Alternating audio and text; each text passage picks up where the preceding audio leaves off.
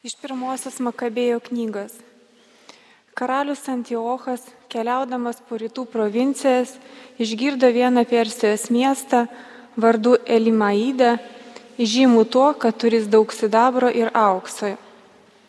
Jame taip pat esanti labai turtinga šventovė. Makedonijos karalius Aleksandras, Pilypo sūnus, pirmasis karaliumi tapęs graikas, palikęs tenais auksinių skydų, šarvų ir ginklų.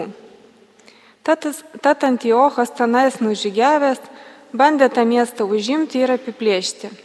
Bet jam nepavyko, nes miesto gyventojai, supratę jo planą, ginklų pasipriešino.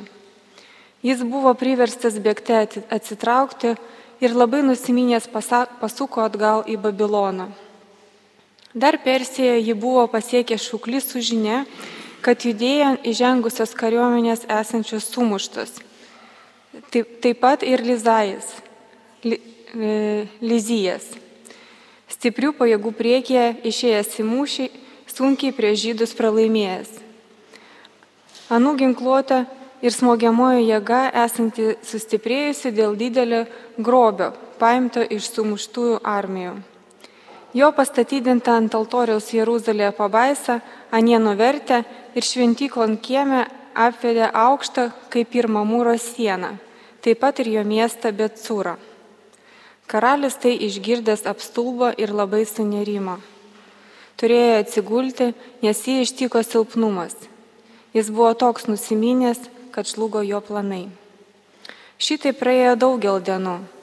Jį vis ištikdavo nauji nuotaikos priepoliai jis matė turėjęs mirti. Tada jis pasišaukė savo bičiulius ir juos prabylo. Mane kankina nemiga ir spaudžia baisus rūpešiai. Aš klausiu sa savęs, kaipgi patekau šitą didžią nelaimę, kaip atsidūriau šioje sunkioje būklėje. Per savo viešpatavimą aš buvaugi draugingas ir mylimas. Dabar aš prisimenu tas piktadarybės, kurias padariau Jeruzalėje Tenaigi pagrobiau visą sidabrą ir auksą, to maža, be pagrindo pavedžiau išnaikinti judėjus gyventojus. Dabar suprantu, kad dėl to mane ši nelaimė iš, išgriūva. Dabar aš visai nusiminęs, mirštu svetimame krašte. Tai Dievo žodis. Dėkojame Dievui. Iš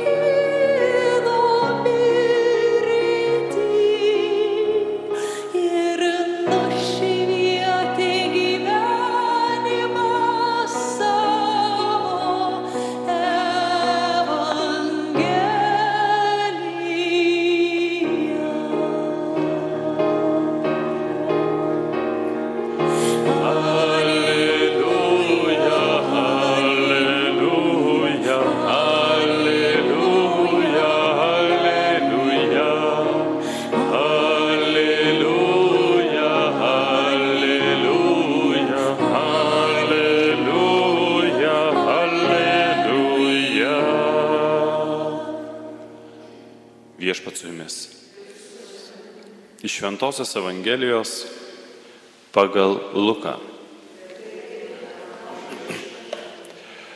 Pas Jėzų atėjo sadukiejų, kurie neigė mirusių prisikelimą ir paklausė, mokytojau, Moze yra mums parašęs, jei kieno vedęs brolis numirtų bevaikis, tuomet jo brolis tegul veda našlę ir pažadina savo broliui palikonių.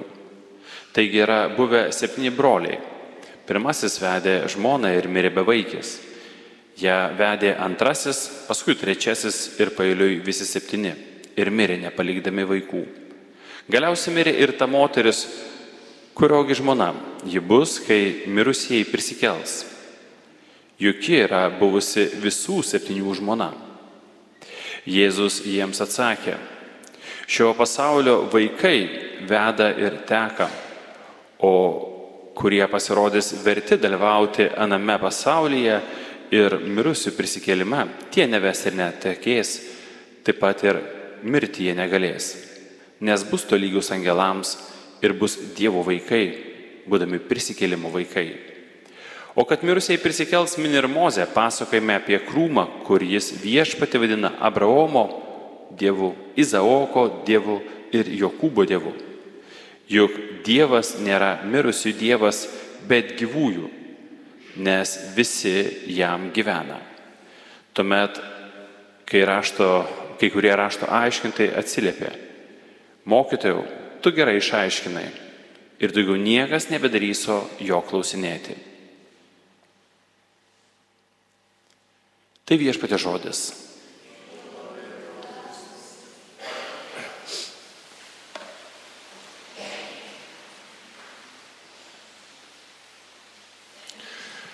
Echtas mūsų žmonių naivumas, kadangi mes pagaliau suprasime, kad, nu, neapgudrausime mes Dievo, nepirmesim jam savų taisyklių. Šios dienos Evangelijoje mes girdime, kaip pas Jėzų ateina sadukėjai, kurie neieško tiesos. Jie įsitikinę, kad jie žino tiesą ir dabar tam tikrą prasme nori apšviesti Jėzų tą tiesą. O dar daugiau nori parodyti, kad Jėzus nėra jau toks didis mokytojas, kad jisai klysta ir kad, na, jie yra geresni. Na, čia truputėlį, nežinau, panašu, kai, pavyzdžiui, vaikai žaidžia, pavyzdžiui, na, nežinau, krepšinį savo kieme, ten turėdami tik tai vieną krepšį. Ir po to jie ateina pas profesionalus, su jais pažaisti ir pradeda aiškinti, tai jūs nebeigiokite prie nuo krepšio, mes turime vieną krepšį, žiūrėkite, čia reikia taip daryti, va tokios taisyklės yra krepšinėje, jūs neteisingai darote. Sutikite, būtų jokinga, jeigu taip būtų elgiamasi. Bet kada žmogus bando įrodyti Dievui apie tai, kaip ten yra pas jį, arba paaiškinti Dievui, tai irgi panašiai atrodo. Mes kaip tie vaikai, kurie turime, na, supratimą, kuris yra vaikams. Ir mes negalime copy-paste perkelti to savo supratimo į Dievo pasaulį. Iš vienos pusės sadukėjai masto labai logiškai. Na, iš tiesų, Jeigu viena moteris buvo septynių brolių žmona, tai po prisikelimo, kieno žmona bu, ji bus? Juk jie visi buvo ją vedę. Ar ką bus ginčiai, bus nesutarimai, ar, ar tas, kuris pirmas, tas gudresnis, ar, ar, ar čia ar paskutinio bus dėl to, kad jis buvo paskutinis. Ir Dievas sako, Nu, jūs mąstote savo supratimu, jūs mąstote pagal savo patyrimą. Dėl to, kad ten ir čia nėra taip pat. Mano dabar jau vienam žinatilsi giminaitė, kuri turėjo savų priežasčių bėgti nuo Dievo arba tam prasme neikti galbūt Dievo egzistavimą arba neikti tai, kad Dievas yra geras ir taip toliau. Vieno sutikimo metu įmetė man kaip argumentą, kodėl tasme, jį netiki Dievu. Sako, todėl kad, nu pažiūrėk, ko- koksai žemėje baisumas vyksta, kokia betvarkė, kiek daug neteisingumo. Ir jeigu tas pats bus danguje, tai tada kas čia per Dievas? Sakau, nelabai supratau, kodėl. Nu, taigi pažiūrėk, jūs kiekvieną dieną melžiatės, kad būtų, e, reiškia, danguje kaip ir žemėje. Sau čia kur? Nu, tai tėvė mūsų maldoji. Sakau, nu tai kad truputėlį ne taip. Mes melžiame, kad žemėje būtų kaip danguje, o ne danguje būtų kaip žemėje. Truputėlį ne į tą pusę. Žmogus, tarsi, kad nu, ne iš piktos valios, nežinau, kaip jam susišvietė, bet žinote, kai sako, kai nori prikipti, tai ir prie stulpo prikipsi. Kaip susišvietė, kad, na, yra prašoma, kad tą betvarkę perkeltume į dangų, neįsivaizduoju, bet žmogus tuo, liaudiškai sakant, šventai tikėjo. Nu, kartai, žinot, būna, kad, pavyzdžiui, žmonės gauna kokius nors asmeniškus apreiškimus. Ir gali būti, mes Dievo negalime riboti. Tačiau yra labai svarbu prisiminti kelias labai svarbias taisyklės, kai ateina tas asmeniškas apreiškimas. Pirmoji taisyklė arba pirmas svarbus dalykas tame prieškime išsiaiškinti, ar tai iš tiesų yra iš Dievo. Nes ir Biblijoje mes skaitome, kaip piktasis pasirodo na, kaip šviesos angelas. Kaip tai padaryti? Paprasčiausia, mes žvelgiame į tai, ką apie tai yra pasakę prieš mus gyvenę šventieji. Tai, ką sako mums bažnyčia, kas yra ta iš didžiosios sėdės tradicijoje. Ir jeigu tai atitinka, tai greičiausiai tai yra iš Dievo. Dar gerai būtų nueiti pas savo dvasios tėvą ir pasikalbėti apie tai.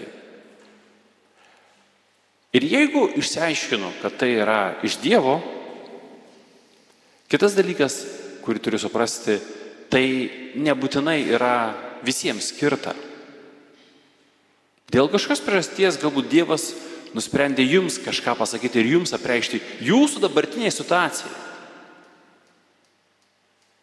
Tai nereiškia, kad tai reikia visiems pradėti skelbti arba visiems kabinti. Pavyzdžiui, Dievas sako, reikia pasakoti penkias dienas per savaitę. Ką žiūriu, ką sako bažnyčia? Bažnyčia sako vieną kartą. Galima du kartus. Tas yra skirtingų tradicijų, bet tas privalomas yra vienas kartas. Ne? Buvo anksčiau du kartai. Jums sako penkis kartus. Tai nereiškia, kad visiems reikia penkis kartus pasnikauti. Jeigu jums tai yra taip, vadinasi, tai kodėl? Nežinau. Jūs jau paklauskite. Bet primest to visiems kaip privalomų dalykų negalite. Tai yra jums. Džiaukitės ir dėkokite, kad Dievas mato, kad tokiu keliu galbūt jūs labiau eisite šventumo keliu. Nežinau kodėl. Kas yra tokio dalyko, kad taip reikia. Bet taip, jeigu taip reikia jums, tai taip darykite. Ir čia tie yra skirtumai tarp tų asmeninių dalykų ir, ir visuotinių. Bet pirmas dalykas prieš tai, kaip tuo vadovautis, tai aš pasitikrinu, ar tai atitinka. Šiuo atveju sadukėjai ateina, jie nesitikrina. Jie bando parodyti, kad Jėzus yra neteisus. Iš esmės yra neteisinga nuostata. Ateimas ir sakyti, aš žinau geriau. Aš galiu ateiti ir klausti, o kaip čia yra? Vat žiūrėk. Nu, vat ta situacija, ne, vat moteris, septyni vyrai, vat miršta, jie prisiklia. O tai kaip bus iš tiesų? Kieno žmona ji bus? Tai labai būtų normalus klausimas. Nu, man tikrai neaišku, galėtų sakyti. Ir tai Jėzus sako, nu matai, jeigu ten galėtų tas pas kas čia, tai tada būtų tikrai problema. Bet kadangi tenai nei vesite, nei tekėsite, ten tos problemos nebus. Mm. Dabar aišku, fine, labai gerai, einam toliau. Kaip Jūs galvojate, ar sadukėjai nebedryso jo klausinėti, todėl kad įtikėjo ir priėmė, ar todėl kad suprato, kad neišeina su juo kažkaip pasiginčyti, neišeina su juo kažkaip sutvarkyti, gal geriau nesigėdinkim prieš visus. Manyčiau, kad antroji dalis. Tai dėkojime Dievui, kuris iš tiesų veikia, kuris kalba su mumis pačiais įvairiausiais būdais ir, ir tiesiogiai, bet dažniausiai, dažniausiai per bažnyčią, bet taip pat kalba ir per artimuosius. Dėkojime už viską. Dievas, dievas veikia, bet likime budrus, kad išliktume toje pačioje dvasioje. Amen.